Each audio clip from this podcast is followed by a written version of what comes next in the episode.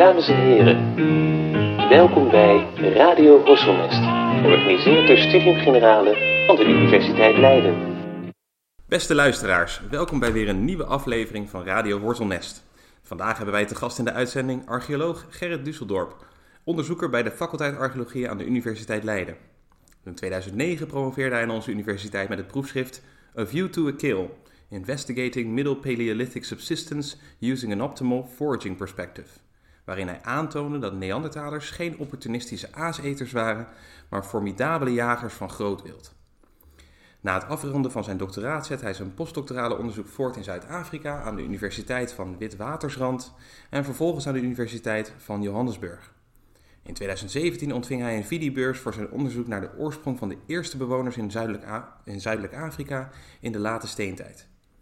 Vandaag schrijft hij bij ons aan om te praten over de stamboom van de mens. In The Origin of Species schrijft Charles Darwin voorzichtig dat zijn nieuwe evolutieleer licht zal schijnen op de menselijke oorsprong. Later in zijn leven tekende hij een schetsmatige stamboom van primaten, met aan een van de loten de Homo sapiens. En hij opperde dat de wieg van de mens in Afrika stond. In de eeuwen die daarop volgen is deze schets uitgegroeid tot een tamelijk complexe filogenetische stamboom met een veelheid aan vertakkingen. Maar deze reconstructie verliep niet zonder slag of stoot. Ook de paleoantropologie staat bol van de Harings- en de kabeljauwse conflicten. In deze aflevering staan we stil bij enkele van deze conflicten en bespreken we recente ontdekte loten aan de menselijke stamboom. Van de Flores-mens, die in 2003 werd ontdekt, tot de recent ontdekte Naledi-mens en Denisova-mens. Daarbij bespreken we ook enkele denkdogma's en vooringenomenheden, als ook fossiele vondsten die de reconstructie van de menselijke stamboom bemoeilijken. Gerrit, welkom. Dankjewel. Laat ik beginnen met iets heel anders. Ik zag dat je een paar dagen geleden door nu.nl was benaderd om iets te zeggen over de Lascaux-grotten, omdat die inmiddels 80 jaar geleden zijn ontdekt. Ja, ja ik, ik wist dat eigenlijk helemaal niet van tevoren. Maar, uh, maar dat dat werd gevierd. Dat, ja, dat, dat, dat het 80, 80 jaar geleden is. Want inmiddels kan je hem ook niet meer bezoeken, toch? De Lascaux. Nee, nee, ik ben zelf alleen in de, in, in, in de replica geweest. Omdat, uh, omdat de echte kunst wordt bedreigd door een, door een schimmelplaag uh, of infectie. En, uh, en dus er, mag niemand in. Of de, ik geloof paar, 10, 20 mensen per jaar of zo. En, en verder, um, verder is het dicht. Maar je zei toen, in dat, tenminste in dat korte interview, zei je er is heel veel over te zeggen en heel erg weinig. Dat vond ik een mooie tegenstelling. Hoe dat zo? Waarom, waarom is er veel over te zeggen en waarom is er weinig over te zeggen? Ja, kijk, we, de, die God laat zien dat, dat on, onze voorouders 18.000 jaar geleden echt enorm mooie kunst maakten. En um, het laat zien wat, hoe hun belevingswereld eruit zag. Wat voor dieren er rondliepen. Um, en, en, sommige daarvan zijn nu uh, uitgestorven, zoals het, zoals het reuzenhert. Maar aan de andere kant, he, alle kunst is symbolisch. En, en dus de echte betekenis van die kunst, daar kun je alleen maar naar raden. De, om, omdat de makers ervan zijn al 18.000 jaar dood. Ja. Um, het is wel interessant dat er, er worden ook een heleboel dingen niet afgebeeld dingen waarvan we weten dat, uh, dat mensen die zagen. Dus, dus er zijn nooit plaatjes van de zon of van een tentenkamp of van een kampvuur of zelfs maar van een plant. Terwijl, ja, die moeten ze toch tegengekomen zijn. En die afwezigheid, die zegt wel iets natuurlijk. Ja, die, die zegt wel dat ze, dat ze vooral bezig waren met groot wild. Met bizons, met paarden, met rendieren. Um, maar ja, hè, waarom? Ja, ze, ze aten die beesten op. Maar als je gaat kijken naar uh, opgegraven botten in, uh, in vindplaatsen van die periode, um, dan zijn de verhoudingen van de soorten die gegeten worden heel anders dan wat er op de muren van die grotten wordt afgebeeld. Dus het, is, het, oh, ja. het, het, kan niet, of het is waarschijnlijk niet simpele jachtmagie of zo. Dat je, hè, dat je tekent, dat je de menukaart tekent of zo. Mensen zeggen ook al snel van, dit is, dat is dan de Sixtijnse kapel van de prehistorie. En die, je krijgt toch ook al wel snel het idee dat we dit heel makkelijk ook wel kunst noemen. En, en ook heel makkelijk, je bijvoorbeeld in de comments eronder leest, hoe makkelijk ook religie daar toch wel bij wordt gehaald. Uh, dat zou misschien dan toch een natuurtempel zijn, waar men dan af en toe samenkwam. Uh, wat moet je met dit soort gedachtenkronkels? Ja, ik ben wel van de religie. Ik denk wel dat, uh, dat deze mensen een soort kathedraal of kapel diep onder de grond maakten. En, en het is belangrijk ook je te realiseren dat ze helemaal niet in die grotten woonden. Dus we noemen ze vaak holbewoners. Maar ze, ze woonden hoogstens onder um, overhangende rotspartijen. Uh, maar deze kunst die is vaak heel diep in de grot, uh, hè, waar, waar, geen natuurlijk licht meer, meer, meer doordringt gemaakt. De, de, de archeologische vondsten in die grotten zijn heel schaars. Vaak soms een paar olielampen, wat houtskool, wat oker, een rood pigment dat ze gemaakt hebben voor die kunst. Maar, maar geen gebruiksvoorwerpen of maaltijdresten of weet ik veel wat. Um, en, en ook als je het vergelijkt met uh, andere samenlevingen die, die rotskunst uh, maken, die, hè, sommige, sommige samenlevingen maken nu nog rotskunst, dat is eigenlijk nooit zomaar graffiti. Dat, is, dat heeft toch altijd wel een diepere betekenis. Ja, maar die is dus eigenlijk niet onder, achterhalen, omdat we gewoon simpelweg die mensen niet kunnen spreken erover. Nee. En dus de betekenis daarvan ook, daar kunnen we eigenlijk alleen naar gissen. Nee, ja, kijk, als jij uh, volledig naïef een uh, christelijke kerk in zou, zou komen, dan zie je heel veel beelden van een moeder met een kind. Maar als je niet beter weet, dan mis je de hele, het, het hele verhaal over dat, dat het hier om, gaat om God met zijn moeder. Ja. He, dat, dat, dat, is gewoon, dat is gewoon schattig. He, heel aandoenlijk, een moeder met haar kind. Het verhaalt het, het, verhaal en wij hebben het verhaal. Ja. Ja, ja. Maar hier heb je natuurlijk inderdaad dat, dat verhaal niet. En het is inderdaad dus ook heel diep, het is echt heel diep onder de grond ook. Ja. Het is niet gewoon een grot, je loopt, je loopt hem binnen zoals de Mergelgrotten in, in, in de buurt van Maastricht. En dan vind je gelijk naast de ingang vind je al tekeningen. Ook bij de ingang zit wel wat. Maar het hoofddeel van de kunst is diep uh, in de grot aangebracht. Uh, maar er zijn meerdere van dit soort uh, beschilderde grotten. En er is zelfs onlangs kunst in de open lucht ontdekt, gravures in een vallei in Portugal. Dus dat betekent niet dat ze alleen maar die kunst diep onder de grond maakten, maar juist het feit dat ze dat ook doen, doet mij vermoeden dat ze, dat, dat, hè, dat dat betekenis had. Ja, en dus toch een speciale plaats was. Ja. ja. Nou, zijn denk ik archeologen deze zomer extra getroffen door uh, de coronamaatregelen, aangezien vrijwel niemand kon opgraven. Wat heb jij deze zomer als archeoloog? Kon je opgraven? Heb je iets kunnen doen? Nee, ik, uh, ik, ik wilde opgraven op een vindplaats in Zuid-Afrika. Maar um, uh, de grenzen zijn dicht in Zuid-Afrika, dus ik kom het land niet in. Dus eigenlijk voor het eerst in jaren um, heb ik de vakantie met mijn gezin doorgebracht en heb ik zelfs mijn eigen verjaardag met vrouw en kinderen kunnen vieren. Uh, wat, uh, wat ook wel eens leuk is. Ja, en voor archeologen eigenlijk een unicum, zeker als je in de zomer jarig bent. En je zei, je gaat op in, in, in Zuid-Afrika. Waar, waar, waar, in Zuid-Afrika graaf je op? Um, ik graaf op uh, vlakbij de stad Durban in de provincie KwaZulu-Natal. Dus dat is um, aan, vlakbij de oostkust in, in een subtropisch gedeelte. En, dat, en, en daar gaaf je op in een, waar moeten we aan denken? Is dit ook een dit is, grot? Dit is een, uh, ja, een grot is een groot woord. Het is, het is een, een overhangende rotswand. Dus uh, wij noemen dat een rock shelter of een abri, hè, een soort, net als je, je bushokje abri, met, met, waarbij je, als het regent, blijft het gebied bij die, bij die rotswand in de buurt droog. Dat is een strook van ongeveer 6 meter breed. Dus het is, ja, het is een droge plek in het landschap onder een, onder een hoge rotswand. Maar om het een grot te noemen gaat wat ver. Ja, en, en, de, en, deze locatie is, is archeologisch gezien belangrijk. Om, is daar een bepaalde periode bewoning geweest? En wat voor periode moeten we dan aan denken? De, de grot is bewoond, dat is voor mij mooi meegenomen. Mm -hmm. um, en wel vrijwel constant van 70.000 jaar geleden tot de 19e eeuw. Uh, dus dat is, dat is A, leuk, hè, want, want ik ben geïnteresseerd in, in, in vooral die, die, die oude steentijd. Dus de, de periode voor 10.000 jaar geleden.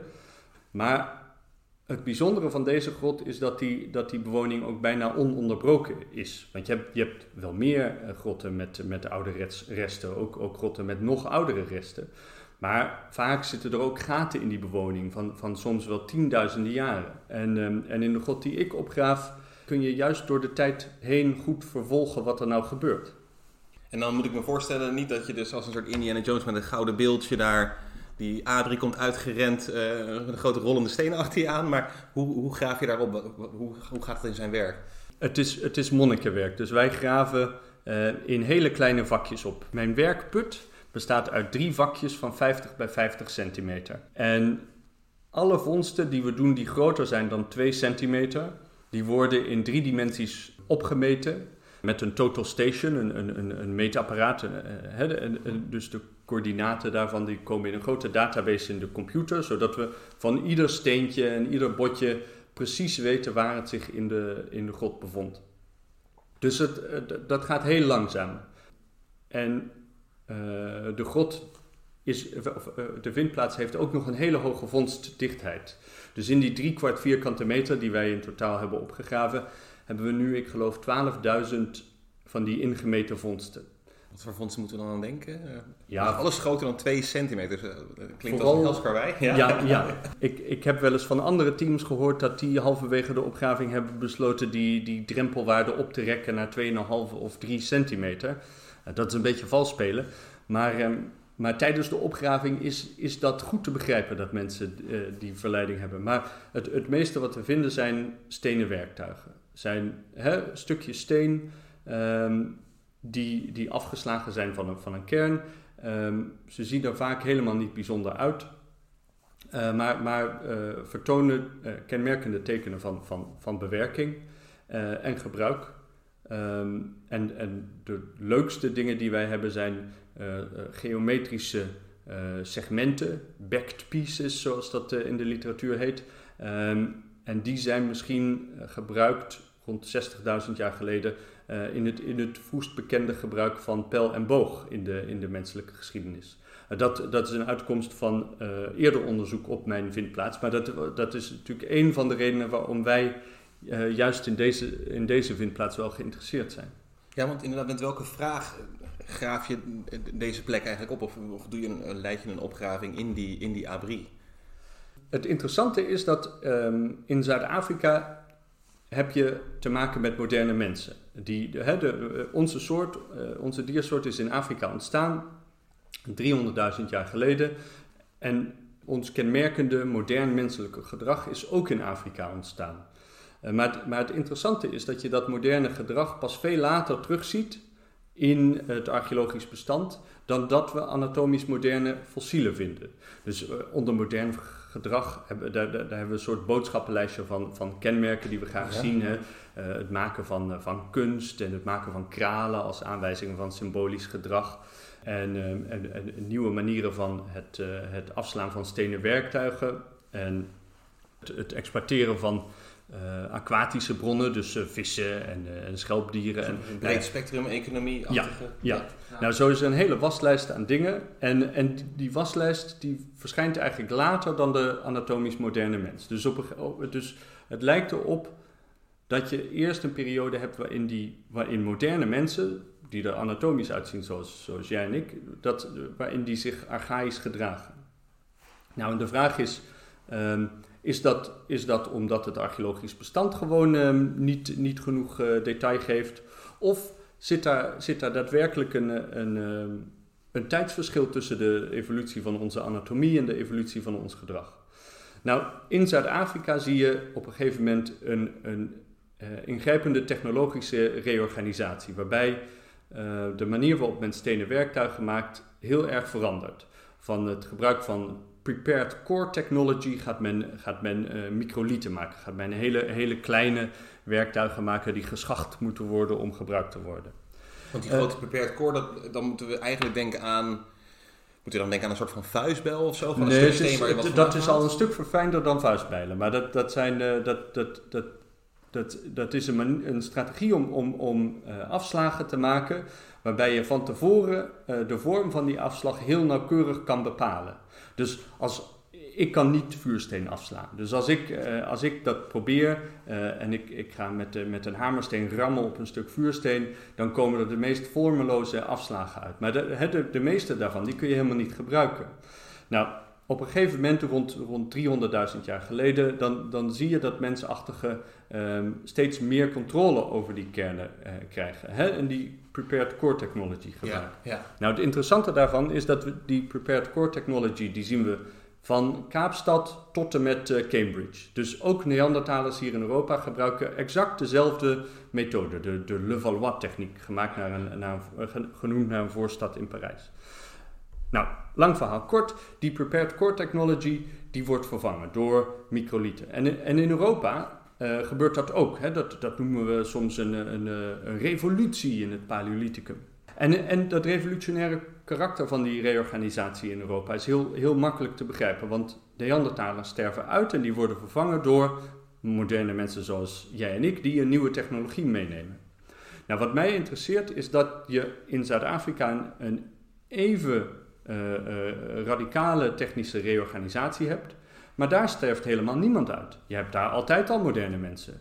En dus ik wil weten wat ervoor zorgt dat ook in Zuid-Afrika zo'n zo'n uh, zo'n radicale technologische verandering plaatsvindt. En, en of dat wel zo is. Hè. Um, en het interessante is dat uit mijn opgravingen blijkt dat die reorganisatie wel plaatsvindt, maar dat die geleidelijk plaatsvindt. Dus we hebben een aantal best dikke aardlagen waarbij de oude en de nieuwe technologie naast elkaar voorkomen. En daar zijn we nu dateringen voor aan het, uh, aan het doen, zodat we precies weten hoe lang die periode is.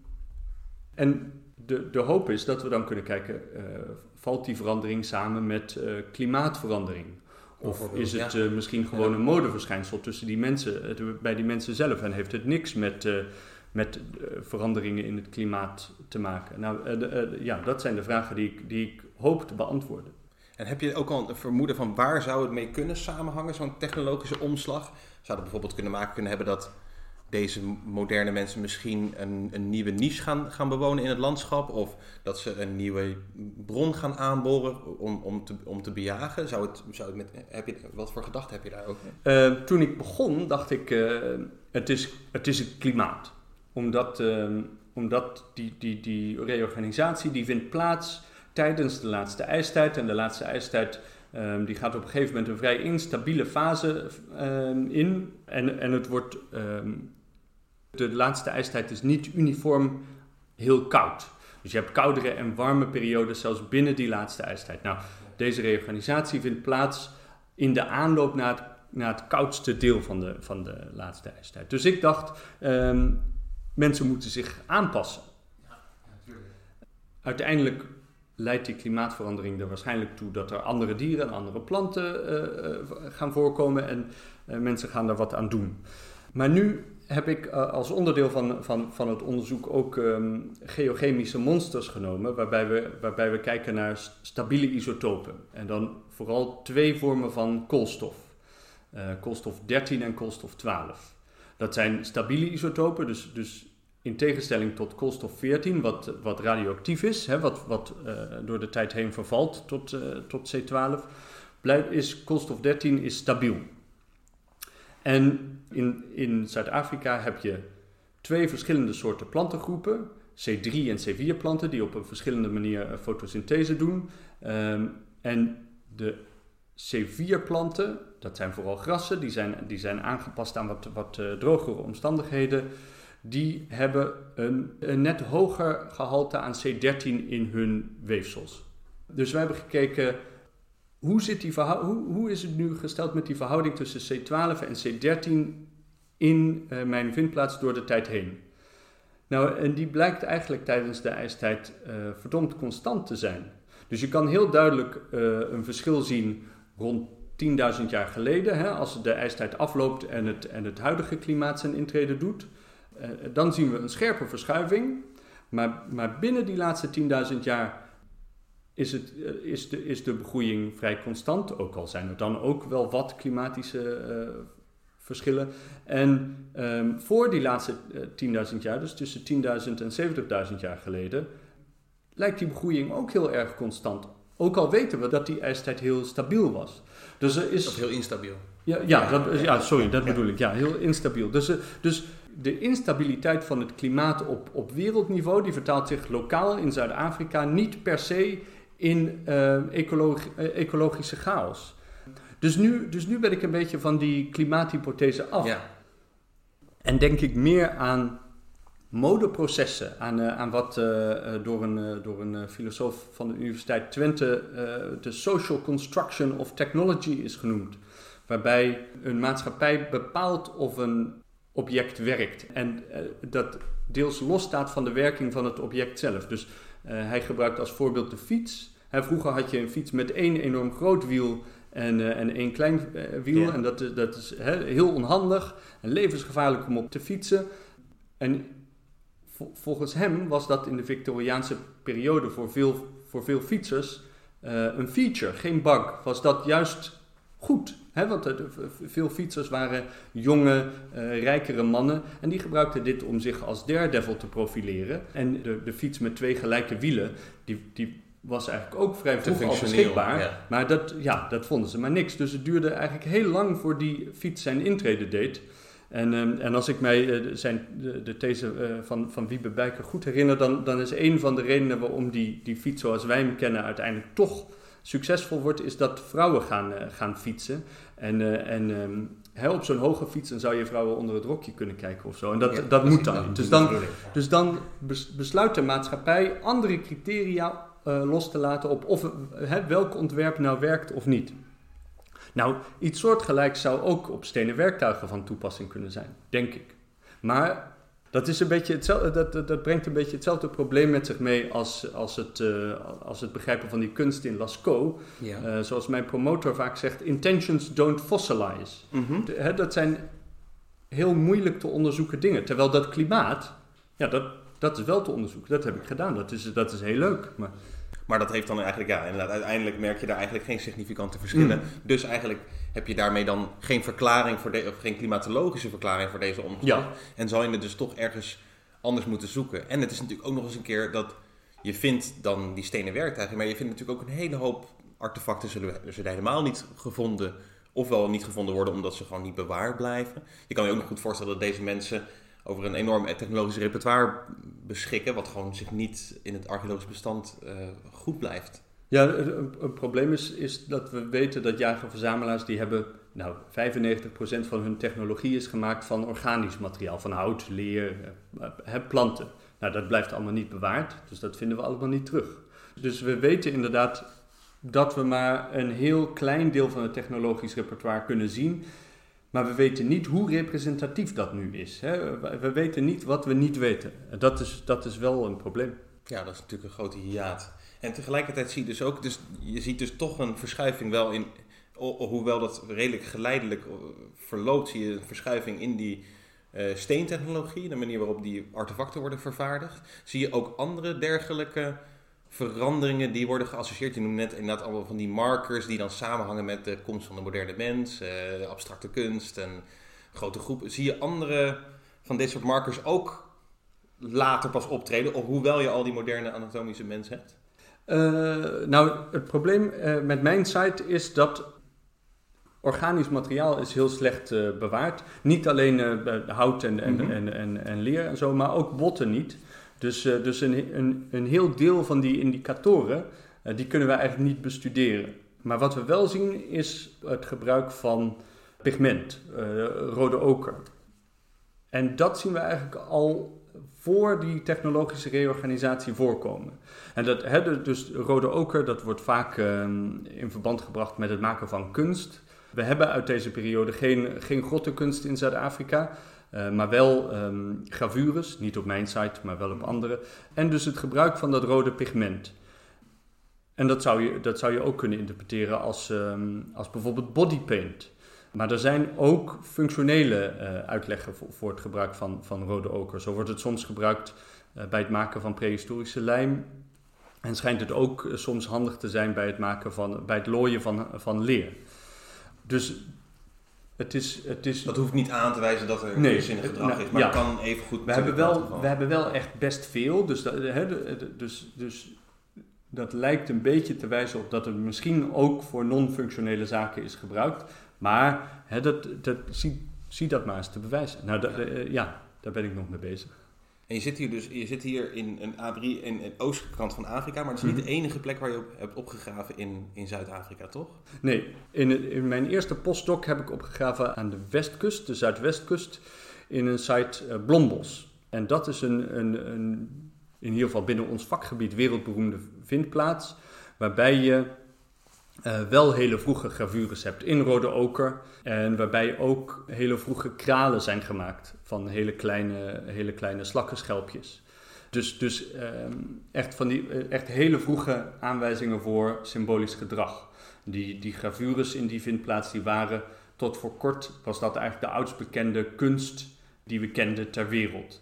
Ehm, sinds kort is de oudst bekende kunst uh, te bewonderen in Naturalis, waar in het depot in 2014 of 2015 een gegraveerde schelp uit, uh, uit Indonesië is ontdekt, die waarschijnlijk gemaakt is door uh, Homo erectus.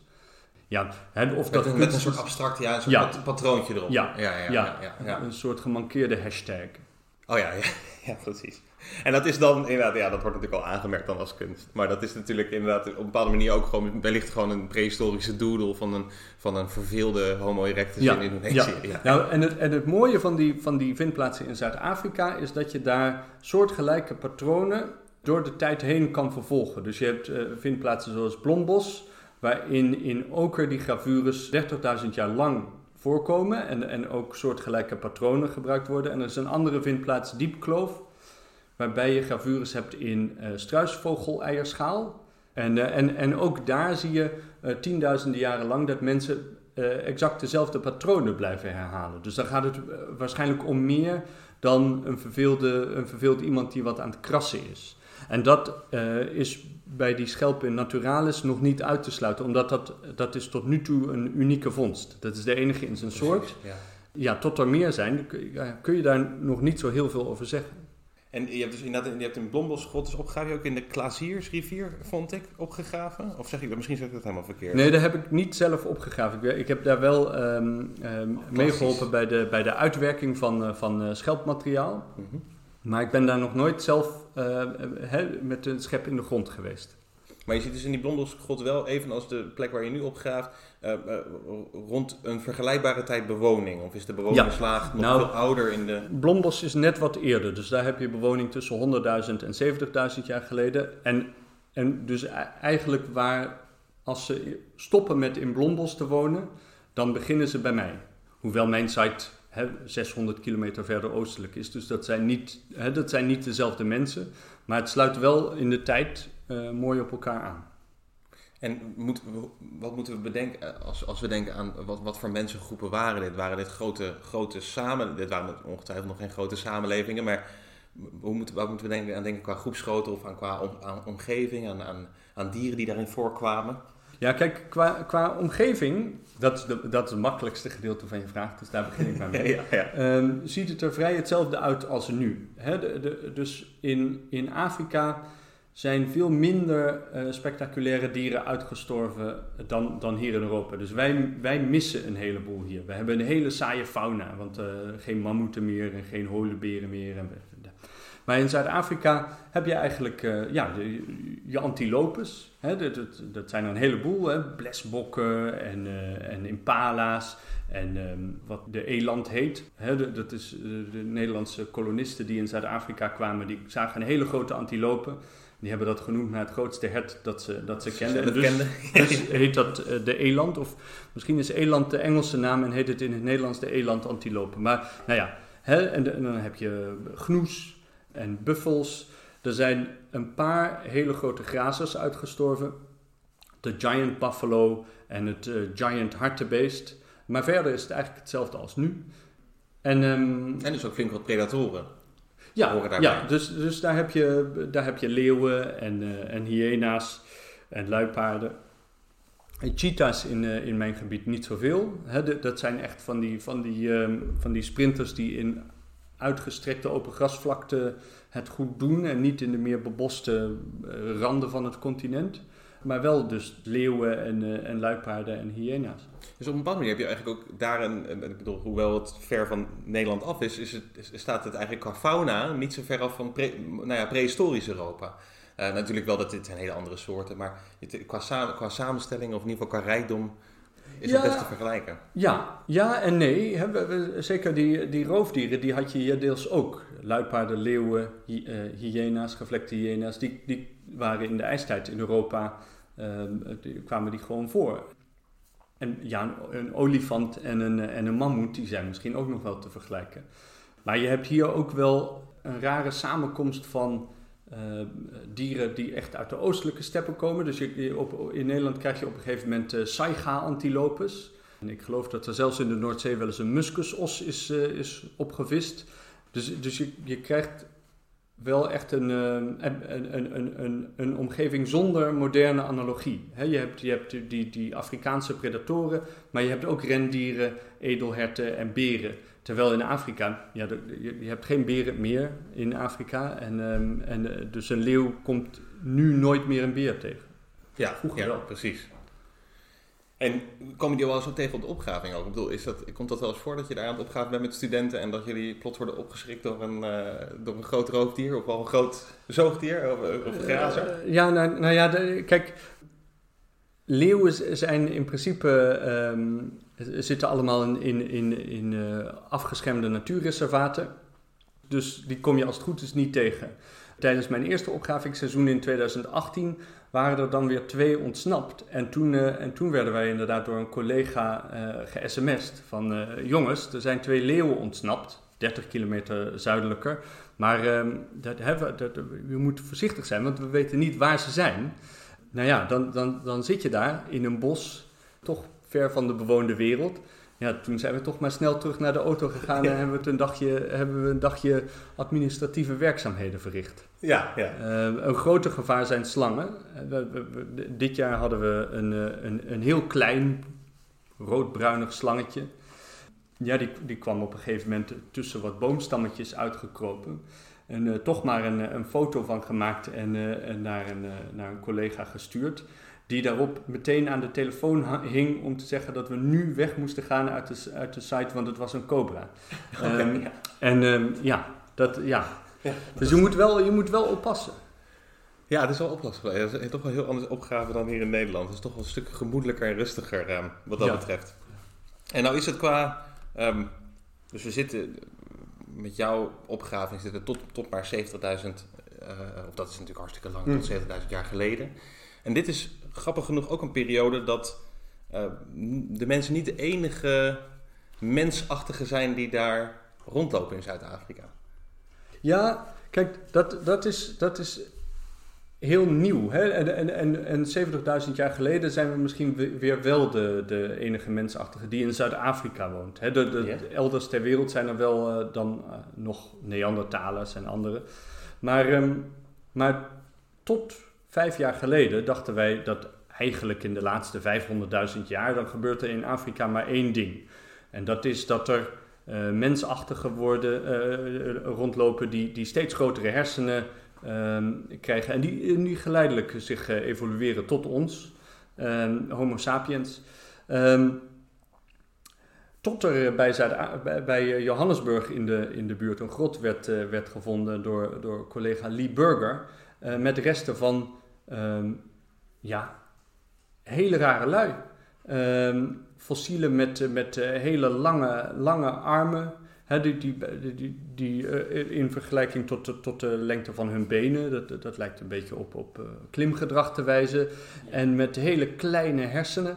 En um, toen, die, toen die fossielen ontdekt waren, werden, dacht, dacht Lee dat ja, dat moet 2,5, 2,8 miljoen jaar oud zijn. Hè? Want het ziet er, het ziet er best primitief uit. Ja. En um, toen uh, uiteindelijk uh, er gedateerd werd, bleken ze maar 300.000 jaar oud te zijn, of misschien zelfs nog wat jonger. Um, en dus moet het hele idee over de, de omstandigheden waarin onze soort um, in Afrika evolueerde, dat moet op de schop. Want er blijkt niet één, maar, maar nog een mensachtige geleefd te hebben. Um, in, in, en, en ook nog in hetzelfde gebied, hè? Want, we, want we kennen uit Zuid-Afrika uh, van rond dezelfde tijd ook fossielen van die, van die uh, takmensen met grote hersenen, uh, die, die uiteindelijk in ons zal, zal Het is gevonden vlak, vlak buiten Johannesburg, toch? De, deze, ja, deze Homo naledi, die, dat, de, er is een, een gebied tussen Johannesburg en Pretoria in. Uh, dat is een UNESCO World Heritage Site, the Cradle of Humankind. En er wordt eigenlijk al sinds 1924 gezocht. En, um, en toen ik uh, mijn eerste postdoc in Zuid-Afrika begon, toen dacht men dat daar eigenlijk alles wat er te vinden was wel te vinden zou zijn. En sindsdien zijn er twee nieuwe mensachtigen uh, ontdekt. Eén van ongeveer 2 miljoen jaar oud, die, die nog wel enigszins past in het, uh, in, het, in het plaatje wat we hadden van de, yeah. van de, van de evolutie van de mens. Hè? Alleen een soort die daar misschien wat extra detail aan geeft. Maar die Homo naledi, die heeft, die heeft hersenen die zijn kleiner dan die van Homo habilis. Dus um, en Homo habilis, dan moeten we denken aan hoe lang geleden? Ook dat, rond die 2, miljoen jaar? Ja, rond die 2 miljoen jaar. En, en, en dat werd vroeger gezien als de, de stamvader van ons genus. Hè? De, de, de eerste soort die Homo mag heten. En hè, daarna zien we de, de hersengrootte van Homo-soorten uh, geleidelijk aan toenemen. Ja. En dat maakt eigenlijk niet uit over welke soort je het hebt.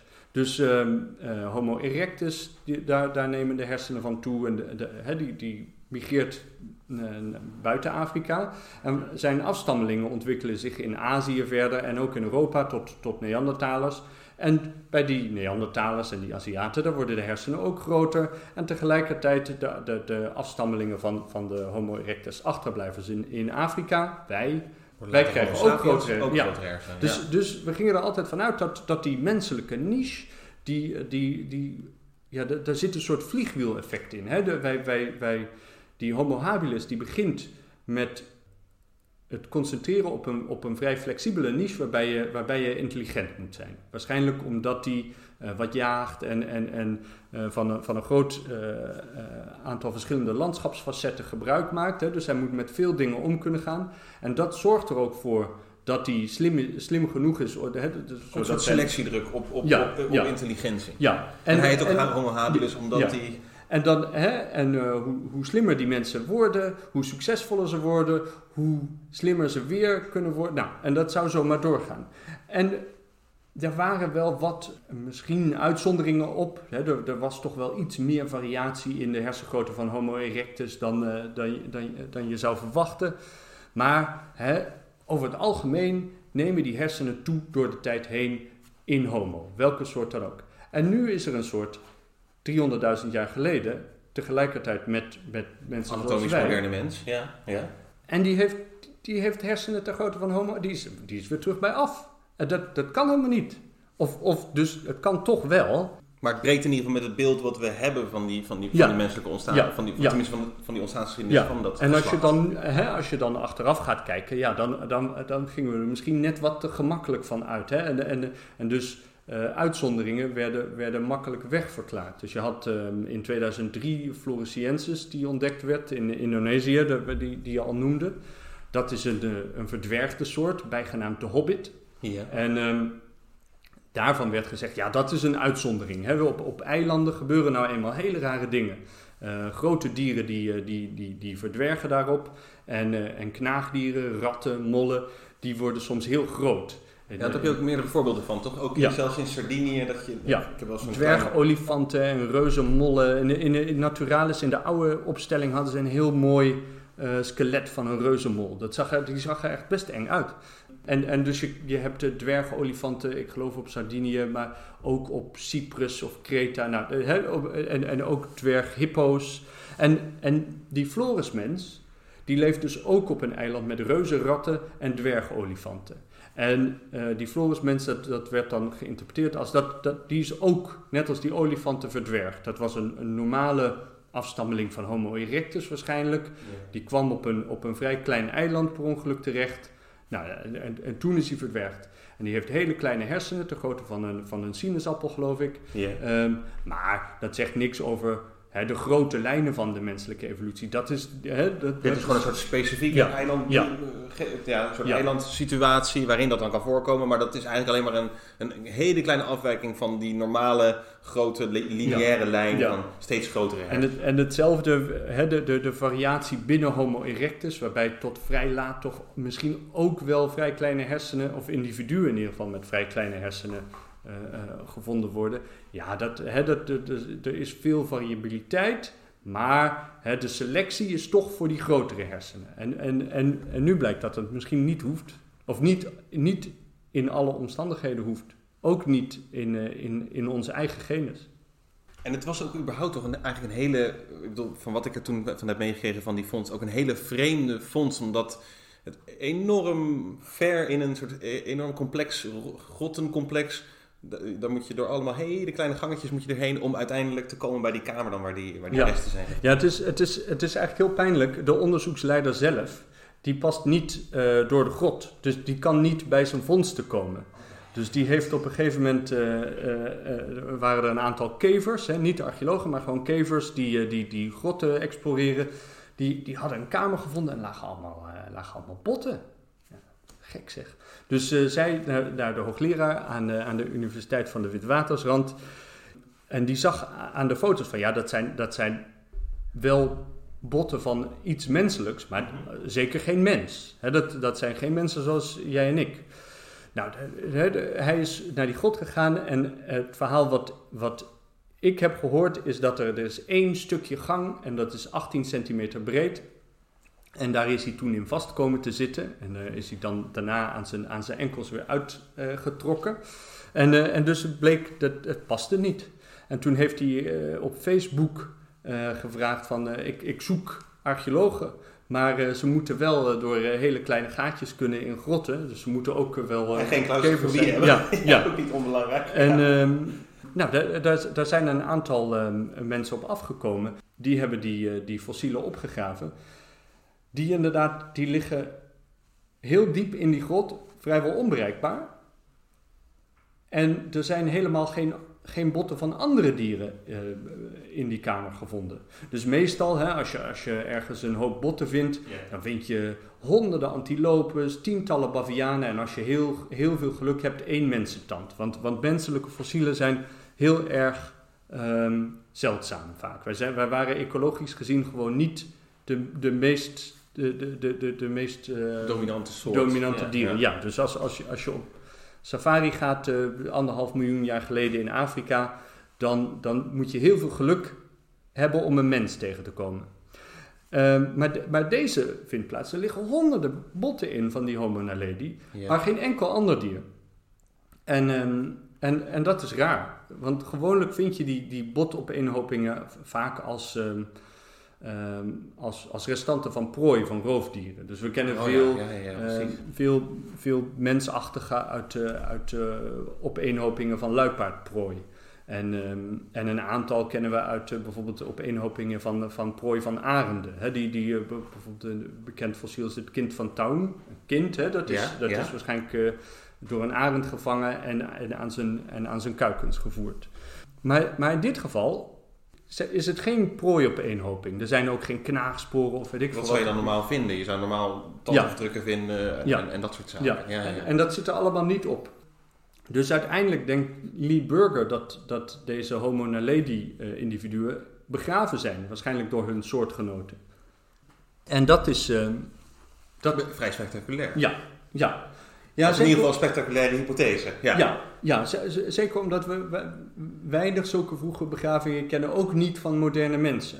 En dat het vergt ook, hè, je, je moet eh, niet alleen die grot kennen, maar je moet misschien ook iets van vuur beheersen.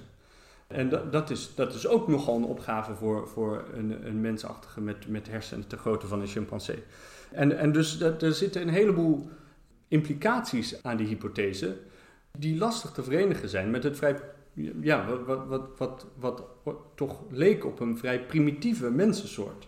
Ja, precies. Eigenlijk dus die markers die we normaal verbinden aan die anatomisch moderne mens. Ja, Het Ja. zou dus kunnen dat een, dat een van die eh, kenmerken, dat die ja eigenlijk al veel eerder voorkomt. Ja. Of dat die helemaal niet zulke hele grote hersenen veronderstelt. ja, ja. Dus het probleem is, want ik, ik, ik ben niet zo van die begravingen. Ik geloof daar niet per se in. Maar het is wel heel moeilijk om een plausibel alternatief te bedenken. Ja. En je moet toch verklaren waarom daar, ik geloof dat ze resten van tenminste 15 individuen hebben op die plek, waarom die daar terechtkomen. Ja, die moeten ja. er toch zijn neergelegd. Inderdaad, wat je al zegt, het is diep in, in, in, in die labyrinthische, Ja. donkere gangen. Ja, Dus je moet zijn er iets van licht hebben om, om Ja. het überhaupt. En je ziet dus geen bijtsporen, dus het is ook niet dat eh, een groep hyena's gewoon een, een, een groep mensen één voor één netjes die, die grot in heeft. Of Ja. ook. Nou zijn er ondertussen ook op andere plekken in die grot eh, resten gevonden van Homo naledi. Die zijn nog niet gedateerd, dus we weten niet of die even oud zijn.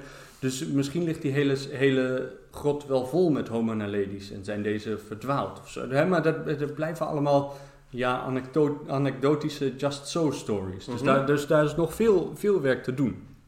En je noemde ook e- even kort dat, dat kind van Town. Eh, Dat is ook in die regio gevonden, toch? In Zuid-Afrika? Ja, ja dat, dat is iets verder naar het oosten.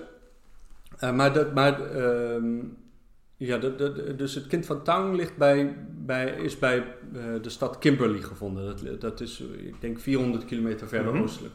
Maar de meeste fossielen in Zuid-Afrika zijn eigenlijk binnen een straal van 20 kilometer van die, eh, van die Homo naledi gevonden. Dus je hebt een aantal enorm bekende sites, hebben voor archeologen dan, eh, die Zwartkrans heette die, een Sterkfontein en Driemolen. Nou, die liggen allemaal eigenlijk op hetzelfde kleine stukje land tussen, tussen Pretoria en Johannesburg. Heeft dat te maken met een bepaalde eh, aardlaag die daar heel goed geconserveerd is? Of, of, of waar moeten we, waarom is dat in zo'n kort of in zo'n klein... Ja, je hebt, daar- je hebt daar eh, ehm, eh, kalksteengesteenten met grotten waarin die botten nou eenmaal goed bewaard blijven. Dus in, in veel andere gebieden van Zuid-Afrika, daar, daar heb je niet dat soort grotten. Dus daar vind je geen, geen botten van fossiele mensachtigen. Die zullen er absoluut geleefd hebben, maar, je, maar ze zijn ondertussen vergaan. En juist daar tussen Johannesburg en, ehm, en Pretoria heb je een klein gebied met de juiste omstandigheden om die botten te vinden. Dus niet de juiste omstandigheden voor mensachtigen om te leven, maar de juiste omstandigheden voor archeologen om, eh om, om Mensen op te gaan. te vinden. Ja, ja. ja. precies. En, dus dan heb je die, die Homo naledi, die dus wel tot het geslacht eh, eh, Homo wordt gerekend, maar, maar overduidelijk natuurlijk een andere, een andere soort. Ehm, wat voor andere mensachtige worden hier ontdekt in deze, in deze regio, in, die, eh, in dat kleine bestel? Nou ja, dus in 1924 werd dat kind van Town ontdekt. En dat is een, dat is een Australopithecus.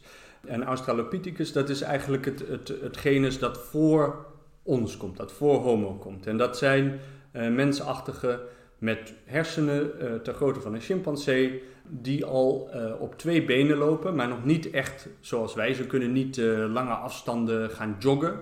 Maar ze kunnen wel, ze lopen op twee benen. Ze klimmen ook nog heel veel. Dat zien we aan bijvoorbeeld hun, hun vingerkootjes die heel gebogen zijn en aan, aan hun schoudergewricht.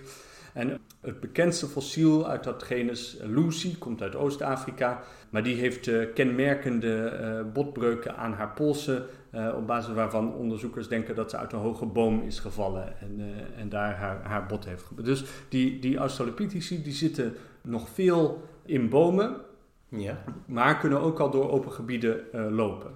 En dat is heel handig in Afrika tussen 5 en 2 miljoen jaar geleden, want het continent wordt steeds droger. En het, en het oerwoud en de beboste gebieden die trekken zich steeds verder terug naar het, het, het westen, hè, richting het huidige Congo.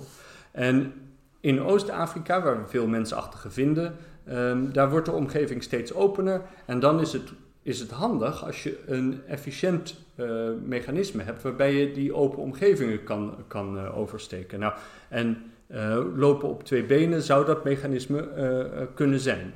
En de Australopitheci die doen dat al, maar die doen verder, ja, ver- ver- verder niet veel dingen die wij als, als eh, menselijk herkennen. Hè? Dus we kennen eigenlijk geen stenen werktuigen van ze. Ehm, misschien maken de laatste Australopitheci een paar van de eerste stenen werktuigen, maar eh, dat, dat is eh, hoe dan ook sporadisch. En dat hangt af van de datering van die eers- eerste werktuigen waarover ruzie is. Maar dat, ja, dat zijn een soort, ehm, ja, dat zijn mensachtige die, die gestrand raken op de savanne, eh, zou je bijna kunnen zeggen. En, daar, en, en daaruit ontstaan twee genera. Eentje is het genus Homo. Ehm, en, en, en het bekendste daarvan is, is Homo habilis. Dat, is een, eh, dat is een mensachtige met net wat grotere hersenen, die, wa- waarvan we denken dat die stenen werktuigen gaat, ehm, gaat maken, die wat flexibeler wordt. En ehm, die, die, die aan de veranderende omgeving zich aanpast door een brede, flexibele niche te ontwikkelen. Ook, Ehm, ook wederom gevonden in Oostelijke Afrika? Ook in Oostelijk Afrika en ook eh, in Zuidelijk Afrika. Oost- en Zuid-Afrika, dat zijn steeds de hotspots waarbij we die fossielen vinden. En dat komt door gunstige omstandigheden voor archeologen. Dus in Ja, Oost-Afrika heb je de, de Riftvallei, waardoor de juiste ui- aardlagen bloot eh, komen te liggen. En in Zuid-Afrika heb je grotten waarin, je, eh, waarin die fossielen ook goed bewaard blijven. Ehm, maar die Homo habilis, die, die, hè, als, je, als je 2 miljoen jaar geleden op, op safari ging, dan moest je heel veel geluk hebben om, eh, om Homo habilis tegen te komen. Dat was, die, die flexibiliteit, dat was zeker in het begin eigenlijk niet zo'n goede gok. Maar er was een ander genus, Paranthropus. En dat zijn, dat worden ook wel robuuste Australopitheci genoemd. Dat zijn eh, mensachtigen die een enorm kauwapparaat eh, ontwikkelen. Met, eh, met grote benen kammen op hun hoofd waar, waar kauwspieren aan aan kunnen hechten. En, eh, en kiezen die, echt, die, die veel groter zijn dan die van, van moderne mensen. Ja, die zijn misschien een beetje te omschrijven als, als panda's. Die passen zich aan een heel specifieke niche aan. Waarschijnlijk waar veel plantaardig voedsel een, een rol in speelt. Hè. Dus Dat ook al de notenkraker mensen Ja, toch? ja, ja, ja. ja. ja, ja. En in, in die Zuid-Afrikaanse vindplaatsen waarin Paranthropus... eh, hè, want Paranthropus komt dus ook weer in Zuid- en Oost-Afrika voor. En als je in die Zuid-Afrikaanse vindplaatsen gaat kijken... dan heb je daar, nou ja, op, zo'n op een site als Sterkfontein... een paar Homo habilis fossielen en honderden Paranthropus fossielen. Dus als je op vakantie zou gaan, eh, eh, 2 miljoen jaar geleden... dan zou je omkomen in die Paranthropussen en die, die, die Homo habilissen... Ja, die, nou, dan, dan zou je, dat zou je waarschijnlijk bij je Big Five kunnen, kunnen groeperen als, eh, op je checklisten. Eh, dus, dus in eerste instantie was, was die aanpassing van die Paranthropus aan een specifieke niche op die savanne een stuk ehm, succesvoller dan wat wij deden, wat onze voorouders deden. Maar als die, als die savanne nog droger en droger wordt, dan sterven ze uiteindelijk rond 1 miljoen jaar geleden toch uit. Nou, en vroeger dachten we dat wat ook bijdraagt aan het uitsterven is dat de andere lijn, hè, Homo, dat die met grotere hersenen en, eh, en, en, en eh, hè, zich ontwikkelende, ontwikkelende technologie, dat die steeds beter wordt in het eh, exploiteren van die savanne. Dat die niche steeds breder wordt en dat er uiteindelijk ook om dezelfde voedselbronnen met Paranthropus ge- geconcurreerd zou, zou worden. Eh, en dus het, het idee was dat op een gegeven moment, na, hè, waarschijnlijk na 1 miljoen jaar geleden, als die Paranthropus eh, het loodje legt, dan is er eigenlijk ecologisch gezien geen plek meer voor een andere mensachtige in Afrika. En daarna heb je eigenlijk, daarvoor heb je eigenlijk altijd de situatie dat je meerdere verschillende soorten mensen in hetzelfde gebied tegen kan komen. En daarna gingen we ervan uit dat er wel verschillende mensachtigen op aarde waren, maar dat die allemaal hun eigen gebiedje hadden. Hè? Dus Neandertalers in Europa en, eh, en ehm, later Homo erectus en hun afstammelingen in Azië en eh, wij in Afrika. En Vooral, als die, ook, vooral ook omdat die lijnen anders slaags met elkaar zijn. Ja, Behalve ja. dus als je heel erg gespecialiseerd Ja, bent. En, en als die elkaar dan tegen zouden komen, zoals eh, Neandertalers en moderne mensen, dan, dan, dan zou de, de, de coexistence, hè, het naast elkaar bestaan, dat zou maar kort duren, want dan zou de een de ander wegconcurreren uit, uit het gebied. En, de, en dus Homo naledi laat dat beeld een beetje kantelen. Ja. En, ehm, en, en, en hoe, dat is heel moeilijk te, te bepalen, denk ik. Daar, daar hebben we... De, het is Want er zijn ook geen- er zijn geen werktuigen gevonden van, Nee, van die nee. Homo naledi. Nee, dat is heel jammer, want, eh, want ehm, de ontdekker van die, eh, van die soort die, die schrijft van nou, hij is, eh, hij is 300.000 jaar oud. Hè? Dat is even oud als die prepared core technology waar, waar, Ja. waarover ik het eerder had. En eh, hij heeft handen die, die wel geschikt zijn om werktuigen te maken. Dus moeten we Homo naledi zien als, als kandidaat om die werktuigen gemaakt te hebben. En dat is, eh, dat is voor archeologen wel een, eh, wel een pijnlijke constatering. Want hè, er wordt al sinds 1911 eh, verzamelen we in Zuid-Afrika stenen werktuigen en doen we opgravingen. En, eh, en al dat werk moet nu misschien eh, de prullenbak in. Hè? Want, want, want we, we, we gingen altijd uit dat we in ieder geval wisten wie de auteur van die werktuigen waren. Maar nu is er, nu is er een andere potentiële auteur. En, en dus moeten we heel goed nadenken over wat voor ecologische niche die Homo naledi überhaupt had. Hè? Want het, het voordeel daarvan is dat we heel veel botten hebben van, van meerdere individuen. Dus dat Ja. we de anatomie eigenlijk bijna beter kunnen reconstrueren dan die van onszelf. Of in ieder geval onze directe voorgangers. maar het, het nadeel is, we kennen ze maar van één plek en, en van één punt in de tijd. Dus je zou eigenlijk meer, meer stippen op de kaart willen hebben en meer, eh, een beter idee van wanneer zijn die lui nou ontstaan. Zijn ze nou ontstaan eh, 2 miljoen jaar geleden en houden ze het heel lang vol? Of zijn, is het, een- is het komen ze van elders, eh, vinden Ja. we daar misschien. Ja. En dat is natuurlijk met heel veel van dit soort mensachtige fossielen. Dat, dat het altijd eh, vrij plaatsgebonden is en echt even een momentopname. En daar, daar moet je het dan mee doen en daar moet je er vervolgens al- allerlei conclusies aan verbinden. Maar je zei inderdaad wel al, ze hebben vrij lange armen en wat kortere benen. Dus dat veronderstelt mogelijk inderdaad een aanpassing aan een toch een andere niche Ja, dan die Homo sapiens. Ja. Wat, Ze, ze lijken wel ook hè, gewoon op twee benen te kunnen lopen. Dus het, eh, hè, net als eigenlijk alle andere mensachtigen eh, lopen ze op twee benen. Maar de meeste homosoorten geven geen aanwijzingen in hun, eh, in hun schoudergordel en hun armen voor veel klimmen. En Homo naledi heeft die aanpassingen wel. Nou kan het zijn dat ze die gewoon geërfd hebben hè, en, en dat ze daar verder niks mee deden. Maar meestal wordt er in de evolutie van uitgegaan: eh, if you don't use it, you lose it. Als je niet, als je niet klimt, dan, dan verlies je die klimaanpassingen. Ja.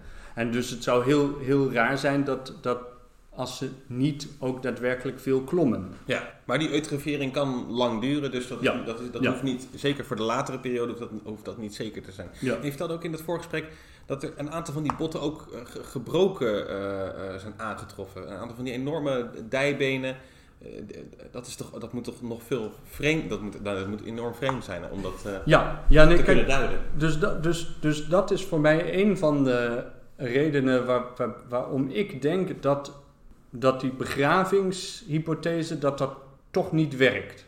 Want de, de femurale dijbeen is, is een van de sterkste botten eh, in, je, in je lichaam. Mhm.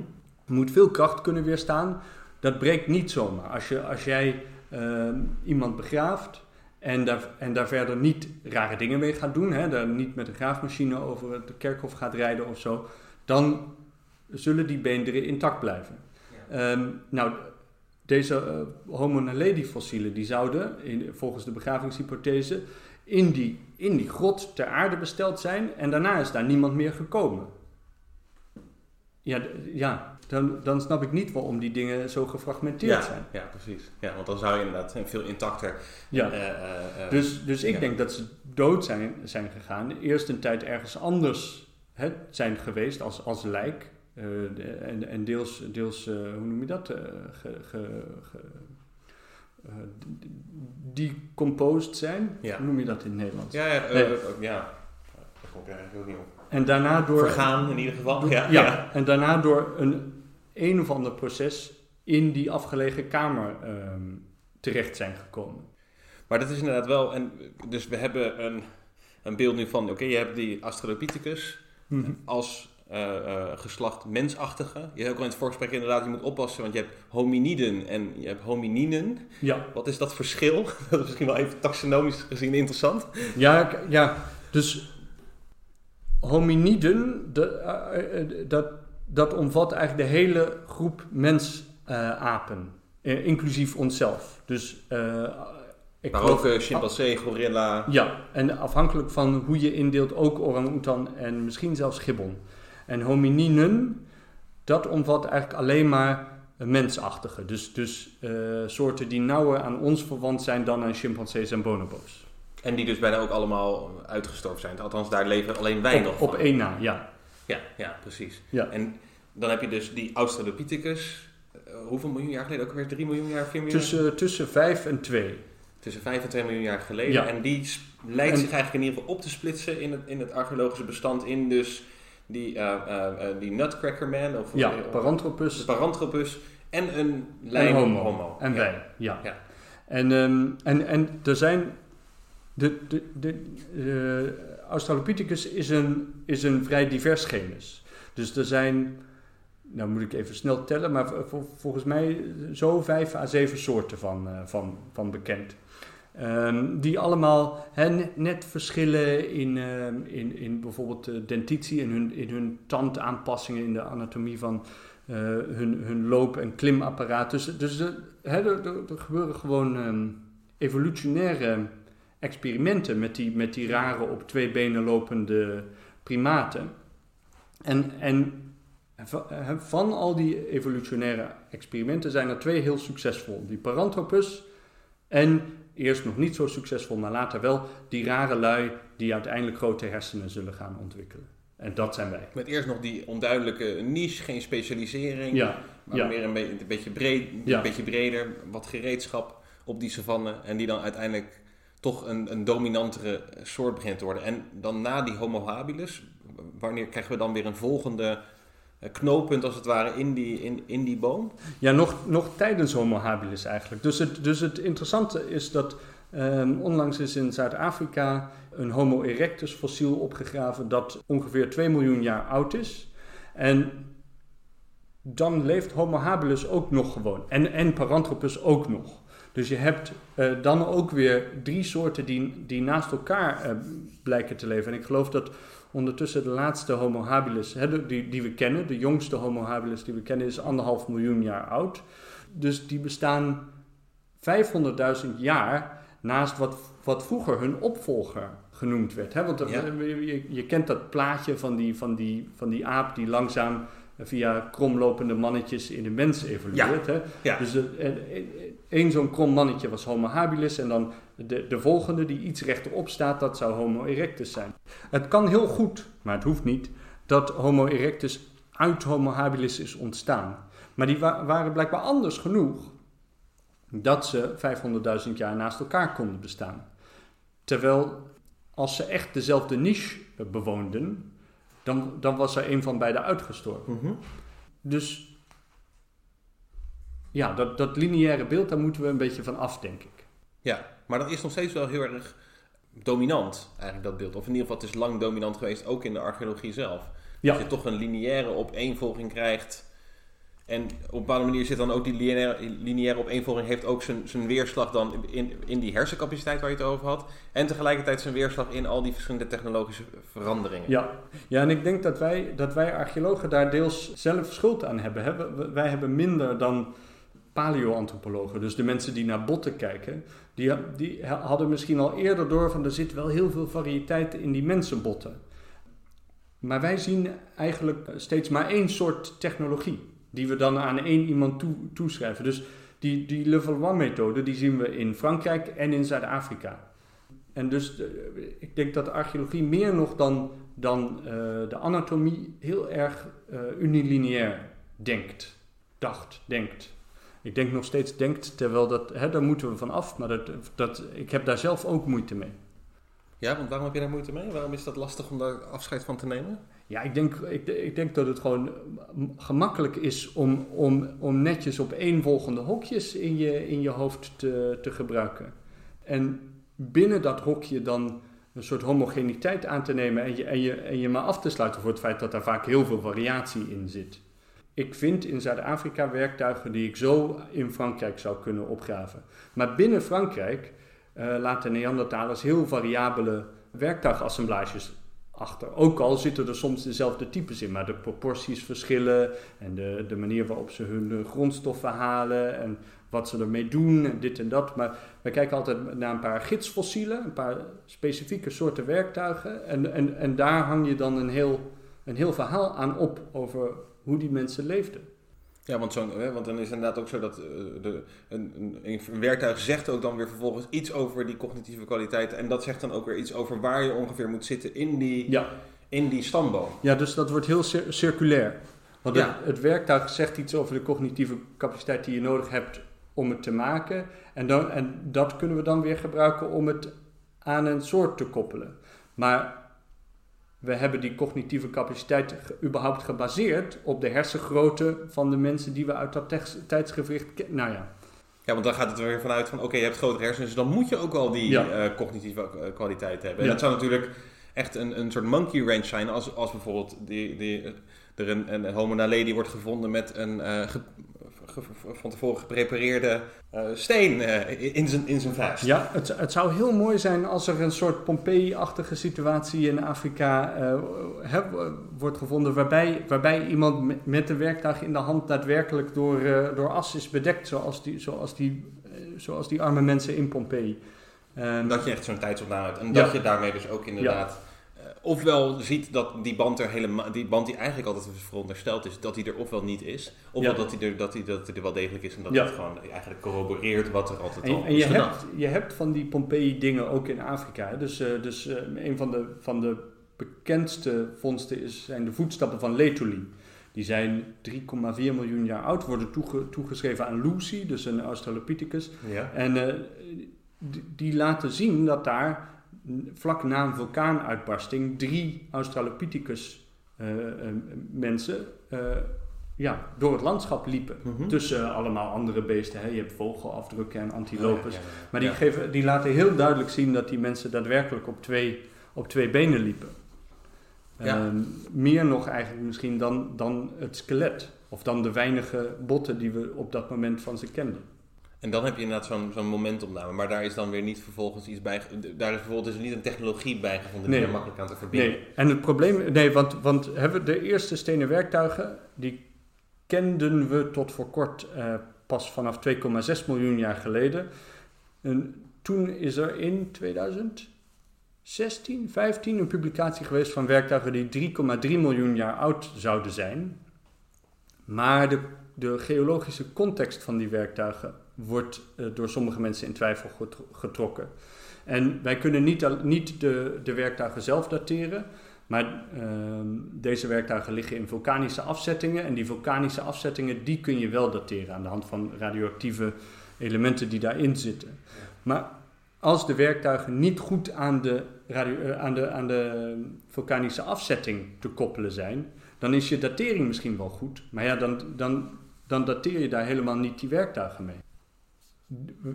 Dat is tot nu toe één site die misschien 3,3 miljoen jaar eh, oud is. Verder zijn alle sites met, die we kennen met stenen werktuigen, die zijn jonger dan 2,6 miljoen jaar geleden. Dus dan, dus dan, dan zijn de Australopitheci hun dagen bijna geteld. Ja, want die zijn in, eh, dus al die verschillende soorten die je ook beschreven, inderdaad iets van zes, zeven soorten, die zijn inmiddels, die zijn dan, die zijn er- uitgestorven en die worden dus ook echt wel Er opgevolgd zijn er een paar door- die het, die, het, die het volhouden tot 2 miljoen jaar. Ja. Maar vanaf 2,8 miljoen jaar geleden kennen we ook eh homofossielen in, eh, in Afrika. En, eh, en, en we gaan er dan voor het gemak maar vanuit dat die homo, dat, hè, dat, dat die mensen, dat die in ieder geval stenen werktuigen maken. Maar daar hebben we eigenlijk ook helemaal geen goed bewijs voor.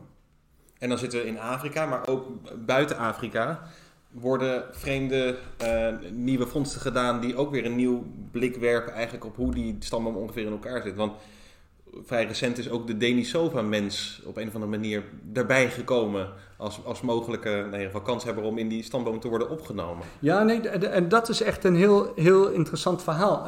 Want ehm, toen ik begon met de archeologie studeren en oude steentijd studeren, toen werden er nog wel eens nieuwe soorten ontdekt, hè, maar dat was altijd, waren altijd vroege soorten, hè, de ouder dan 2 miljoen jaar.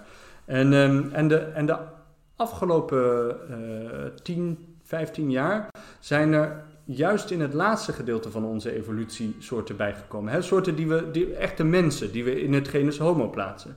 Die Florusmens, die, daar hadden we het al over, en Homo, eh, eh, homo naledi.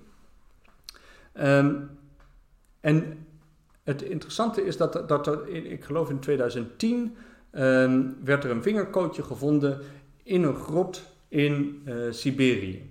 En, eh, en, dus een vingerkootje is anatomisch niet eh, speciaal genoeg om. hè, daar kun je niet duidelijk aan zien welke soort het nou precies is. Want alle vingerkootjes lijken op elkaar. Ja. Het zijn net schapen.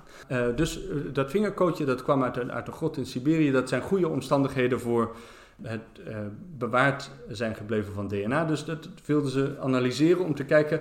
is dit nou misschien een hele vroege moderne mens... die uit out of Africa gekomen zijn? eh, of, of is dit een, eh, een Neandertaler die misschien wat verder oostelijk woonde... dan we vaak denken? En, en wat bleek, het was geen van beide. Het was een nieuwe populatie, een nieuwe mens... die niemand nog ooit had, had, ja, die niemand had verwacht... En dus dat, dat was heel raar, want eh, we hadden toen een, een, een fossiele mensensoort zonder fossielen, waar, waar we eigenlijk alleen het DNA van kenden. Ondertussen is er een kaak uit Tibet gevonden waar DNA uitkomt en dat DNA komt overeen met het Denisova-DNA. Dus, dus, eh, dus krijgen we nu fossielen bij die Denisova-groep. En, ehm, en interessant genoeg blijkt in die, diezelfde grot blijken ook wel eens Neandertalers geweest te zijn. En er is zelfs een, ehm, een hybrid gevonden, dus een, een, een kind waarvan ik geloof de vader Neandertaler was en de moeder een Denisovaan. Ehm, eh, dus dus het, het, het, het, was daar echt een, een, een enorm interessant kruispunt van soorten. Want die Denisovanen die zijn ook moderne mensen tegengekomen, dat weten we zeker, omdat er in het eh, DNA van mensen uit Nieuw-Guinea en uh, Melanesië en Polynesië en in mindere mate China en Indonesië zit een klein percentage Denisova-DNA. Oh, ja, dus ja, De, de, er zijn ook, de, er is ook monkey business geweest tussen, uh, de tussen eerste, lijnen. Ja, tussen die eerste moderne mensen in Azië en, de, en wat toen waarschijnlijk de laatste Denisovanen waren. Ja, die Denisovanen zijn dus eigenlijk weer een zustersoort dan van de, de Neandertaler. Ja. Homo erectus verlaat Afrika, althans dat wordt aangenomen. Dan krijg je nog een tussenstapje eh, Homo heidelbergensis, als ik het goed eh, heb. En dan de Neander. Dat is dan de voorloper van de Neandertaler en de ik zeg het meteen verkeerd, ja? Nee, nou ja, kijk, dat, ook dat is dus is recent op de schop gegaan. Dus vroeger dachten we inderdaad, want we houden van lineaire, lineaire dingen, hè, Homo erectus, Homo heidelbergensis, Neandertaler. Ja, ja, ja, ja, ja, Nu zijn er in Spanje vrij vroege fossielen gevonden in een, in een, in een vindplaats uh, die, die Cima de los Huesos heet, kuil met botten, als ik het goed uh, vertaal. En, en die botten, dat zijn eigenlijk vroege Neandertalers. Maar die zijn, als ik het goed, goed, me goed herinner, 450.000 jaar oud. Dus um, die zijn te oud om van Homo heidelbergensis af te stammen. Want Homo heidelbergensis, het type fossiel, is 500.000 jaar oud en we kennen wat recentere.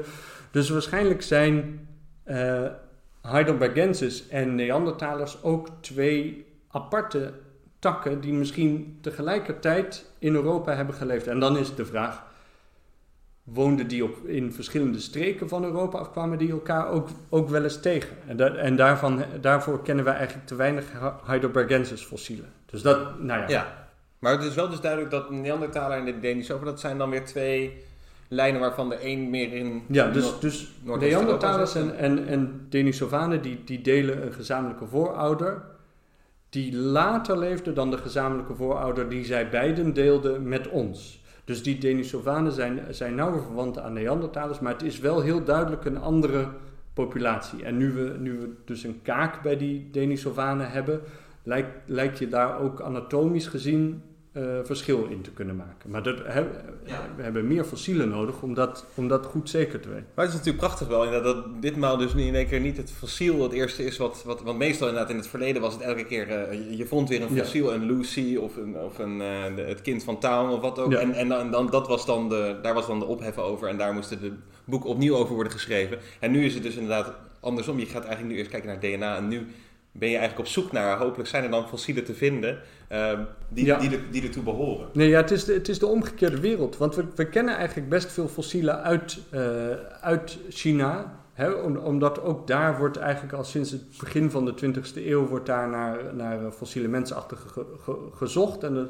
zijn Homo erectus fossielen uit China bekend. En, um, en dus misschien zijn er ook wel fossielen die aan het DNA die bij dat Denisova-DNA horen. Maar omdat DNA zo vaak zo slecht bewaard blijft, is dat heel moeilijk. En hebben we dus nu met die ene kaak uit Tibet uh, enorm geluk gehad. En, en, en als je dus meer fossielen met DNA hebt, zou je een beter beeld van hoe die Denisovanen eruit zagen kunnen... Dus het kan zijn dat er al fossielen in, in archieven liggen, zoals ook die, die schelpen van de Homo erectus lagen in Naturalis. Ja.